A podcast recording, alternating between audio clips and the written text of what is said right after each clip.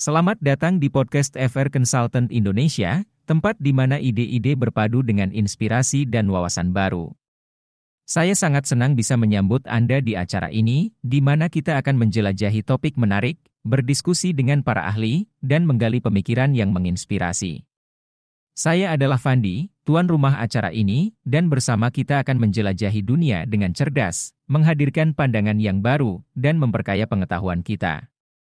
Bersiaplah untuk pengalaman mendalam yang mengubah cara kita melihat dunia. Selamat mendengarkan.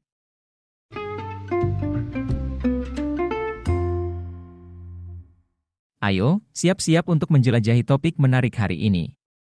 Kali ini kita akan membahas kenapa sebagian orang Indonesia sering malas membaca. Rasanya kita semua pernah mengalami itu? Jadi, mari kita kupas bersama. Pertama-tama, ada satu faktor yang cukup penting, yaitu kesadaran akan manfaat membaca. Ternyata banyak orang di sekitar kita yang belum menyadari manfaat yang bisa didapatkan dari membaca. Padahal, membaca bisa memperluas pengetahuan, memperluas wawasan, dan mengembangkan keterampilan berpikir kita. Di dunia digital yang serba instan seperti sekarang, kita sering tergoda dengan video dan gambar yang lebih menarik. Nah, faktor selanjutnya adalah kehidupan modern yang super sibuk. Kita semua tahu betapa padatnya jadwal kita dengan pekerjaan, sekolah, dan berbagai aktivitas lainnya. Waktu luang kita terbatas, jadi enggak heran kalau kita lebih memilih untuk menonton televisi atau main game daripada membaca buku. Selanjutnya, akses terhadap bahan bacaan yang menarik juga bisa menjadi kendala. Beberapa daerah di Indonesia mungkin masih kesulitan dengan perpustakaan dan akses ke buku-buku berkualitas. Terus lagi, ada persepsi bahwa buku itu mahal, jadi banyak yang enggan membeli buku sendiri. Oh, jangan lupa juga tentang pengaruh budaya populer dan media sosial, ya.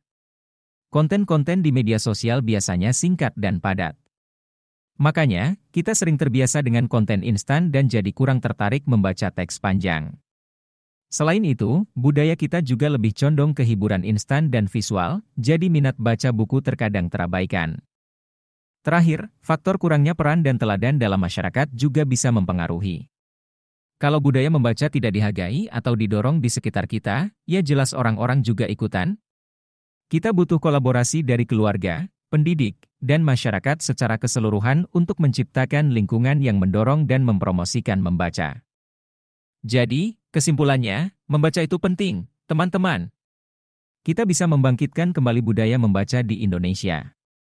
Kita perlu meningkatkan kesadaran akan manfaat membaca, menyediakan akses yang lebih baik terhadap bahan bacaan, dan menciptakan lingkungan yang mendukung kegiatan membaca.